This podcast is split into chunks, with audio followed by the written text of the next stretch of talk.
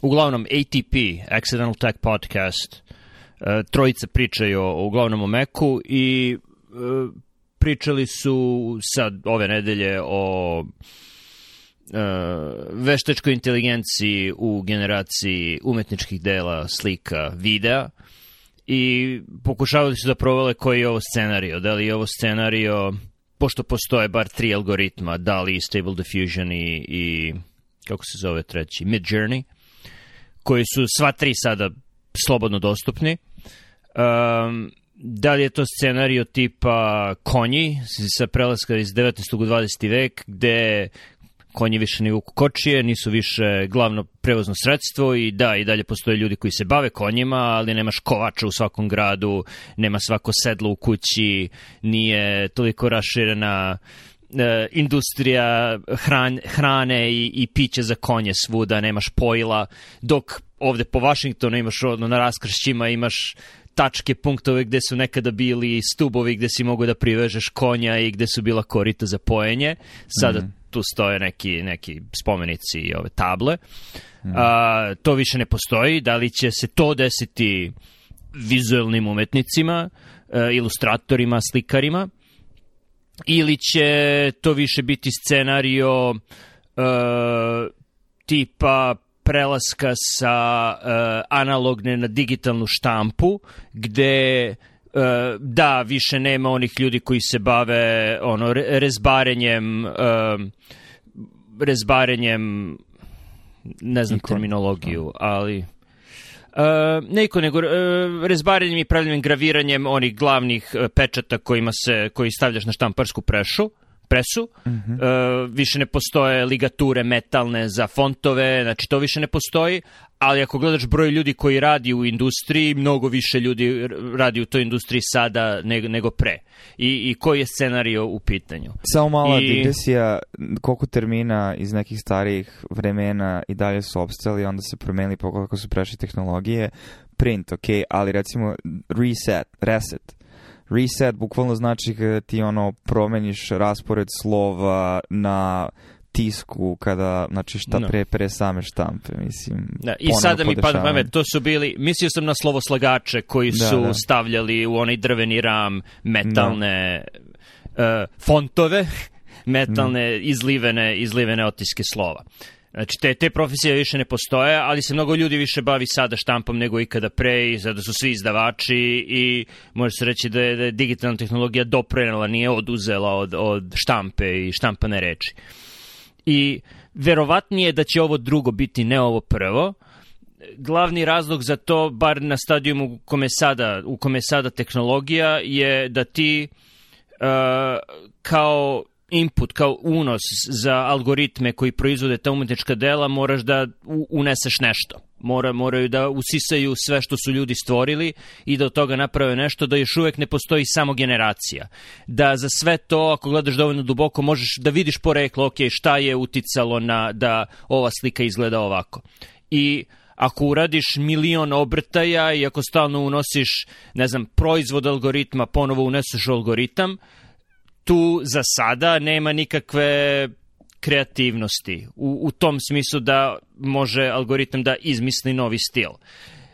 Za sada, za sada je tako, možda u budućnosti neće biti, ali sada su ti alati više kao više kao uh, onaj uh, alat kanta za boju u paintbrushu ili u Photoshopu gde klikneš i on ti napuni jednom uniformnom bojom uh, celu površinu koja je ojivčena uh, ojivčena je ovim crvenom četkicom ili šta god hoćeš da napuniš bojom, a ne moraš ti ručno da uzmeš četkicu i da malaš onako. Tako da uh, više više doprinosi ono štedi štedi vreme za generaciju ideja da ono, vidiš od, od deset stvari koji proizvede, možda će, će ti nešto dati inspiraciju ili će možda poslužiti kao, kao početna tačka za neko stvarno umetničko delo, pod jedan, i pod dva, ljudi kao što smo ti i ja, koji možda pišeš po neki put nešto, ponekad nešto na internetu, e, nikada ti ne bi palo na pamet da staviš neku ilustraciju ili bi ti palo na pamet ali je preskupo ili previše vremena bi uzelo tebi da to nacrtaš,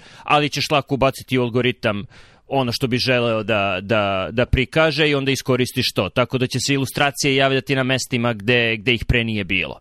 Tako da će u tom smislu proširiti dijapazon uh, mesta gde možeš naći ilustracije. Tako da je i ovo za sada, mislim, neto pozitivno za, za one koji se bave uh, likovnom umetnošću. Dobro, nisam likovna umetnost, ne znam da li to smislu misliš i na, za još jednu granu. I video. Ne, ne, ali i grafički dizajn. Jel, to je mnogo bitno. Mislim, jer je to baš industrija, pogotovo što svaka kompanija, znaš, ima svoj vizualni identitet, e, fizički, da li ono znakovima, vizit kartama, pogotovo i digitalni, tako da i tu se dolazi ono dizajn web sajtova, da ti imaš grafičke dizajnere koji isto mogu da informišu. Mislim, baš skoro pričam sa drugarom koji je grafički dizajner, mislim, završio arhitekturu, ali um, se prevashodno bavi time, jer ga to i zanima. I znaš, baš smo pričali o novo nastalim tehnologijama veštačke inteligencije koji za njih par meseci su omogućile stvaranje stvari koje nis, nis, meni barem intuitivno nisu bile logične da će se da tako brzo i tako lako doći do njih i tako u paralelno, a očigledno to bio na onom liminalnom prostoru novih ideja, jer ako imaš tri kompanije koje u roku od par meseci paralelno dođu do stevnog dostignuća, znači da je tehnologija koja to omogućuje bila dostupna. Um, I pričali smo o tome, mislim, prvo kada ono računeš sam proces, recimo, grafičkog dizajnera, kada ti radiš sa mušterijom, već tu dosta ima nekih stvari gde ono, vidim paralele, gde ovo samo može samo prenese paralela na to, samo što će dubina i širina toga biti mnogo veći, ali, znaš, već ima neke presetove za različite oblike, za različite neke komadiće nečega, da ne mora svaki put da napravi nešto novo ni iz čega i onda kad mu neko dođe sa uh, ono idejom, to je znači želi da sarađuje sa njim, on recimo par dana napravi pet nekih različitih ideja i pristupa a, recimo nekom vizualnom identitetu neke kompanije i onda diskutuju nakon što odradi istraživanje, znači ne znam, skida s neta sve u okviru slične branše i tako dalje i ovaj i onda ti pristupi sa nekih 3, 5, 7 ono, ideja dizajna, diskutuju s mušterima i oni kažu šta se im sviđa, ne sviđa i u kom pravcu to može da ide i onda više truda ulažu u to. Tako ako uzmeš recimo taj specifičan aspekt u obzir, tačno mogu da vidim kako softveri poput ovog mogu da ubrzaju te korake spontane generacije, ono, no, mnoštva različitih entiteta, da će stvari veći akcenat biti na ne toliko samom kreiranju stvari koje će gledano su po, veliki da je postao automatizovan, koliko um, kurac i ono, izboru onoga što ćeš doneti u sledeći korak i mislim da će mnogo veći akcent u stvari biti sada na tome, jer mislim da će biti, ako mogu da neke dve onako struje u smislu, znači jedna tendencija, jedan pritisak, u smislu jedna nova stvar će biti to što si rekao, više dostupnija uh, a, brža i kvalitetnija. Mislim, ti možeš i sada da sedneš u Photoshop i ono da malo naučiš nešto i kao da se zezaš. Mislim, i ti si se zezao na nekim softverima na iPadu za logotipove, čak i za ovo. Um, gde ti u, u mnogome bilo, ali opet nešto si napravio i mnogome ti bilo lakše da uradiš to sada, pre dve godine, nego pre 15 godina, razumeš? I mogu si da to uradiš na iPadu, a to uopšte nije veze sa veštačkom inteligencijom. A tek sada će te stvari biti dostupnije ako uzimamo ono lekcije iz stvari poput uh, društvenih medija i recimo pogotovo vizualnih društvenih medija u smislu Instagrama i TikToka gde imaš sad filtere, načinje sečenja, ubacivanje teksta po defaultu u nečiji govor. Mnogo je lakše postala recimo montaža, barem na telefonu i taj nivo automatizacije. A, mislim da ćemo toga mnogo više vidjeti. Bukvalno pre neki dan pomalo pamet, čoveče, šta će biti sa industrijom dečjih knjiga? Ja mislim da ćeš ti biti u situaciji da kao roditelj napišeš neku kratku dečju priču o nešto što to dvoje dete voli u toku dana. Jer on, dečje knjige ima ono dve rečenice ispod uh, slike i onda ti ono Stable Diffusion ili nešto poput toga generiše nešto da ti možeš u roku 10 minuta da izabereš kako će to da izgleda i bukvalno imaš na iPadu aplikaciju onda sa svojim detetom čitaš knjige za spavanje sa likovima koje ono izmislilo i voli i, i znaš, bukvalno možda imaš novu priču svake nedelje, ono, ako imaš vremena da se cimaš. Znaš, nekako mi deluje u mnogim aspektima će se potpuno promeniti industrija, kao što se industrija štampe promenila, da će ovo napraviti totalno neke nove mogućnosti, mnoga zanimanja će biti izgubljena, znaš, mislim, copywriting, sad je u drugom aspektu, nisu vizualne umetnosti, ali slična priča, znači, svi ovi što pišu SEO-ove za web sajtove kad Google crawluje, znači to sada, ja mislim da već sada vidimo da to generiše mislim dosta toga da je lorem ipsum, ono, ali a, da to već generišu, znači ne ljudi, nego ono, ne, ne, ne neki softveri, pogotovo oni džubre sajtovi, kad kao izgooglaš nešto, te zanima u nečemu, ono, otvoriš taj sajt i sam viš da je pastovano gomila nekih stvari, sorsovane iz različitih izvora i bitno je samo da ti serviraju gomilu reklamu. Um, tako da ne znam, mislim da ono možda neće biti toliko kao da nema kreativnosti, nego će kreativnost ljudska, jer uvek to kad nađeš neki način da automatizuješ nešto, onda će ljudski kapaciteti koji ne mogu biti automatizovani uh, doći do izražaja i samim tim ćemo mi morati da redefinišemo šta znači kreativnost uopšte i da će se to mnogo, u mnogom i proširiti, a sa druge strane šta znači intelektualna svojina i to mislim da je još jedan od novih pritisaka, jer ako ti recimo uh, hoćeš da napraviš, uh, ubaciš neku sliku, ali u prompt staviš u stilu, ne znam, nekog umetnika koje je poznat. Recimo, znaš, ono, Magic the Gathering ima neke svoje umetnike ili, razumiješ, znači, ne mogu se ceti jednog ono pretarnog poznatog, a da je u nekom tom stilu, ali, znaš, neko ko je na DeviantArt ili šta god, postoje se pitanje gdje je onda tu tvoj doprinos, recimo da li je samo taj prompt, ako je ta mreža naučila, sorsovala stotine hiljade slika nekog umetnika i preslikala taj stil, ili je to u potpunosti tvoje autentično delo. I u kojoj meri ti moraš da tim promptom znači tekstualnim uneseš stvari da bi neko objektivno sa strane, kada bi to odštampao ili stavio znači, na neki website, neko mogu da kaže e, ovo nije puka kopija te osobe, ovo si ti sam stvorio. I mislim, ne postoji jasan odgovor, ali će to definitivno napraviti veliki pritisak na industriju mislim, ono, intelektualne svojine i copyrighta i uh, potencijalno i zakone vezane za to. A pogotovo kad dođemo u video stvari. Mislim, znaš, kao, kapiram da Disney ima dovoljno jak pravni tim da nećeš moći napraviš Spider-Man skače s Mickey Mouse-om i da to okači da zarađuješ pare od toga, ali u mnogim drugim žanrovima moći ćeš da to nećeš moći kao što ne možeš ni sad. Sada neko da napravi fanfiction Spider-mana i Mickey Mouse-a, Disney, i to komercijalizuje, Disney bi ga gonio. Ali ako neko hoće da napravi sliku, naslika sliku u stilu Van Gogha ili u stilu Disneya, ali sa svojim likovima, to je potpuno dozvoljeno, nije, nije zabranjeno. I, I šta ljudi koji kopiraju stilove rade, nego gledaju prehodne primere i na osnovu toga donose zaključke o tome koja pravila treba da primeniš na ono što radiš da bi slika bila u nečijem stilu. To je identično onome što rade ova tri algoritma. Dakle, to se ne razlikuje. Način na koji oni prezentuju neku sliku u stilu nekoga se ne razlikuje od načina na koji ljudi slikaju nešto u stilu nekoga.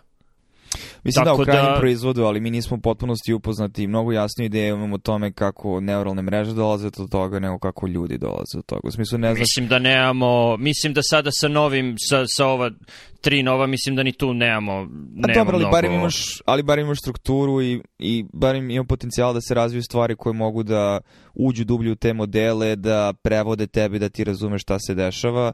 U smislu prećemo razumeti kogniciju mašina u nekom kratkom periodu nego što ćemo razumeti šta se to dešava na nivou neuralnih mreža u ljudskim mozgovima, da kada se javlja ponašanje nečega, kako se to na nivou percepcije formira, na nivou svesti, kako se to sve procesira, mislim da je u mnogome teže, mislim, jer nemamo pretrano dobre modele ni sada, ali možda će po, po, ovaj povoju veštačkoj inteligenciji otvoriti nova poglavlja u kognitivnim naukama. O tome, na šta znači ljudska svest, na šta je kreativnost. Jer mislim, kreativnost na neki način ne možeš stvoriti stvari ni iz čega. Znači, nešto čak i što ti sam stvoriš, opet bude, mora biti informisan nekom percepcijom koju si ti imao i modifikovan. Znači, ti ne možeš da stvoriš boju koju nikad nisi video. Ne možeš da uh, nacrtaš oblik koji ni na koji način nema nikakve veze sa bilo kojim oblikom koji si ikada video. Znači, sve je everything is a remix, mislim, samo je pitanje mm. u kojoj meri je to remix da ti to možda nazoveš nečim kreativnim, a ne plagijatom ne možeš da stvoriš boju koju nikada nisi video, ali možeš određenu kombinaciju vrednosti uh, crvene, zelene i plave ili koji god sistem koristiš za enkodiranje boja, da konzistentno primenjuješ i asociraš sa uh, rečima, situacijama, drugim konceptima dovoljno da ta boja dobije ime. Tako da kad ti kažem Tiffany plavo, ti ćeš znati na koju boju mislim, uh, I to tačno precizno i ta boja je ono copyrightovana. Mislim, ne znam da li je copyrightovana, ali, ali Tiffany ima, ima, ima uh, tačno, tačno određenu boju koju stavlja na svoje proizvode. Uh, ako kažem golubije plavo, onda imaš malo nejasniju ideju, mislim nije u pitanju brenda, ali, ali, ali znaš koja je koja je plava boja u pitanju. Tako da boja postane stvarna u trenutku kada joj damo naziv i taj naziv asociramo sa dovoljno drugih koncepata da može odmah da ti klikne u glavi na koju boju misliš. A dokaž, ako, ako kažem samo plava, ono, postoji milion nijansi plave, meni pada na pamet čista, meni pada u stvari, sad kad mi kažeš plava, prva asocijacija mi je plavi mehurić na iPhoneu za poruke, pošto je to vjerojatno plava boja koju najčešće vidim u toku dana. Uh, mada je sada nebo baš lepo plavo, jesenje na DCM. Ali, ali pada mi na pamet ta plava boja. Više vidiš plavi mehurić nego nebo. uh, u posljednjih, u posljednje dve nedelje da, pošto je ovde bilo dosta, dosta oblačno i kišno, tako da da. Mm. A i ta, taj plavi mehurić je konzistentno plave boje, dok plavo nebo menja nijanse. Tako da, ako moraš tačno određenu plavu boju, odre, određenu vrednost, da, da, da, da, da pomisliš na njega, da, da dovedeš u um, uh, pa, pa, će, pa će ti na pamet, čini mi se, ono što je, što je konzistentnije plavo nebo da, nije da. konzistentno. Pa da, jako redko vidiš plavo boje, nebo boje citoplazme limfocita. Jako redko vidiš citoplazmu limfocita. Pa znaš, oni bilo opisivanju histologije, cit, pa ali to ono, citoplazma, limfocite, srb boje, kako ono, proletnjeg neba ili tako nešto. Da se sećaš toga? ne sećam se toga, ali dobro. Mm. Ovaj, ne, da, ali opet zanimljivo što si to rekao, jer opet upućuje na nešto što jeste nepotpuno jasno nama samima i zato mislim da je isto zanimljivo na koji način će se ovo ono, uticati na naše razumevanje svesti kao takve ili samih sebe, što znaš, to, ta plava ima smisla zato što su ljudi označili da ima nekog smisla i onda nekim upravnim dogovorom ili kroz kolektivnu kreativnost i razmenu to dobije neku nivo vrednosti koju onda ljudi mogu da organski prepoznaju bez nekog preteranog promišljanja i razmišljanja i možda je deo kreativnosti sve u tome, znači koje nove konstrukcije i odnose među već poznatim stvarima, to ne moraju sad da budu boje, nego i oblici. Jer ono, ti, recimo, gledaš Fantasy Flight, eto, pošto se baš igrati, igri, igraš sad igricu Fantasy Flighta, znači oni imaju vrlo karakterističan vizualni umetnički stil. Ali opet taj stil je napravljen da bude vrlo reminiscentan na neo-noir eh, i na određeni stil ono ulja na platnu, a opet je sve to digitalna umetnost. Ali imaju stil koji je stil njihovih igara i to palir i igre imaju samo priča i literatura koji su ostani opet u tom nekom periodu. Ali znaš, i oni su inspirisani tim, eh, mislim. I u muzici isto, mislim, ali uvijek ti pozajemljuješ od negde, ali onda i koliko možeš tog da u to ubaciš nekih novih stvari, novih interpretacija, novih odnosa da bi ovaj uh, stvorio nešto novo. U posljednjih 20 godina bar, od kada je e, digitalno e, mešanje različitih umetničkih dela postalo lakše, e, umetnici u Americi su insistirali, vjerojatno svuda, sve je remix, sve je u, uvek malo kradeš ili mešaš ili ne možeš nikada da budeš potpuno originalan nego moraš da imaš neku inspiraciju koja je od, od već postojećih dela. Mislim da se to sad vraća sa osvetom u smislu da lako možeš da kažeš i da je ovo remix. Mislim, za, zašto se razlikuje? Ja, ja mislim da se ne razlikuje. Ja mislim da je ovo sasvim fair i da, da, da je ok i da je neto dobro za, za za ljude da, da postoje. Pa napriče samo novu vrstu pritisaka na kojih društvenim ugovorom i ono pravnim aktima nismo navikli do sada i pritisci te vrste postoje već neko vreme, samo su uspeli da budu koliko toliko ograničeni. Znaš, imaš sličnu stvar vezanu za, pa ako je digitalni oblik nečega što ti na kraju percipiraš kao zvuk i slika, može da se svede na niz uh, jedinica i nula, to je na kraju dana jedan broj koji ima nekoliko gigabajta, ali zašto i ko posjeduje taj broj, koji se naravno posle dekodira kroz video kodek i postaje film neči čiji ti piratizuješ ono sa Pirate Bay-a. Tako da dosta tih argumenta je bilo i ranije, ili vezano za software, mislim, znaš, ti kad kopiraš neki software, znaš, ono, i mislim tu je čak bilo ono, you wouldn't download a car, znaš, i to je bilo pokušaj poistovećivanja digitalnih stvari i fizičkih, ali de facto razlika između digitalnih i fizičkih stvari što su digitalne stvari gotovo beskonačno puta lakše i mogu mnogo više puta da se umnožavaju, mnogo brže da se razmene sa jedne na drugi kraj sveta, te samim tim tvoje tvoja pretenzija nad vlasništvom, nad nečim mnogo manje snage ima zato što imaš mnogo manje resursa da je ostvariš.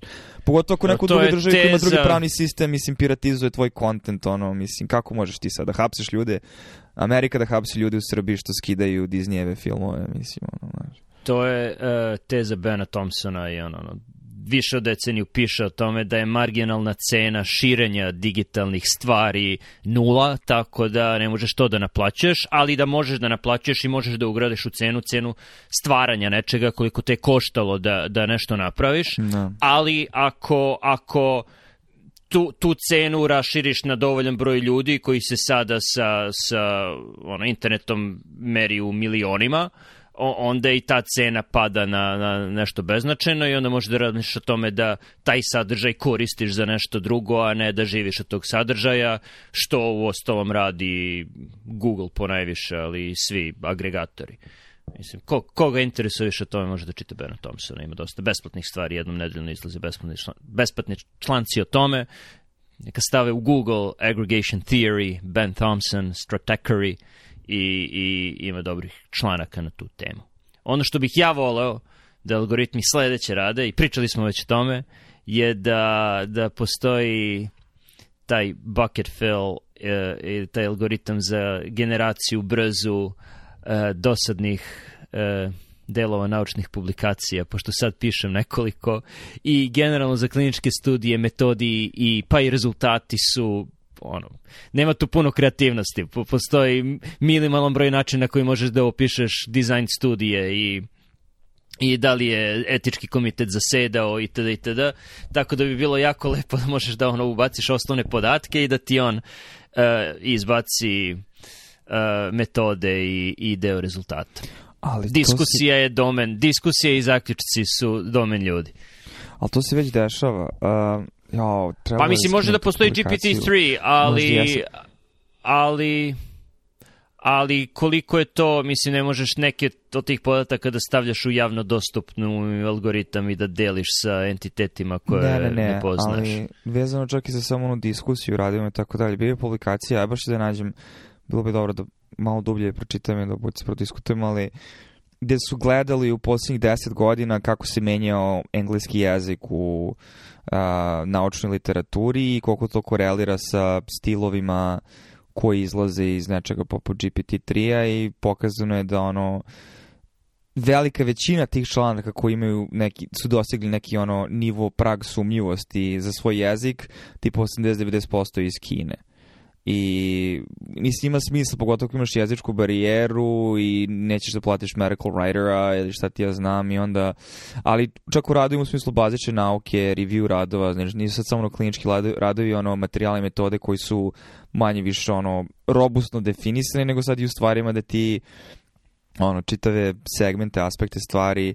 Tako da, mislim, hoću kažem, vidim potencijalno veliki problem u tome, jer Um, ne znam koliko mogu brzo da se ažuriraju uh, izdavačke kuće po pitanju detekcije tih stvari iz pređašnjih iskustva de sposobnosti detekcije plagirizma nemam nešto preterano uh, mnogo nade s obzirom da su deo mog članka u toj kao dobiš ono automatski kao detecting plagiarism su bukvalno ono zato što su delovi bili standardni jezik kojim se institut na kojem radim služi da bi definisao statističke metode, a drugi da. segment no. je bio bukvalno deo koji je bila čak prva rečenica u radu koji opisuje ono osnovni deo uvoda a, koji je on povezao sa nekim web sajtom koji prodaje kožne tašne i krzna u Italiji.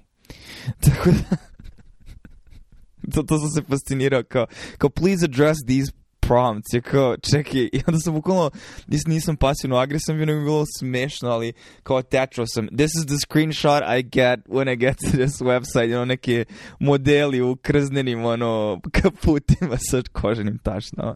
Tako da, hoću kažem, da postojići mnogo veći pritisak nego što izdavačke kuće mogu to da ishendlaju, ne nalik pritisku FDA-a koji ima ono mnogo mali broj ljudi da analizira i da, ono, stvari koje dolaze do njih pogotovo u domenu sad ovo biotech kompanija koja svako pokuša da napravi svoj neki svoj device koji će da detektuje promene u pulsu i galvanizaciju kože ili što god. Ove, tako da mislim da ima preti opasnost da imamo još mnogo više akademskog džubreta u godinama koje dolaze.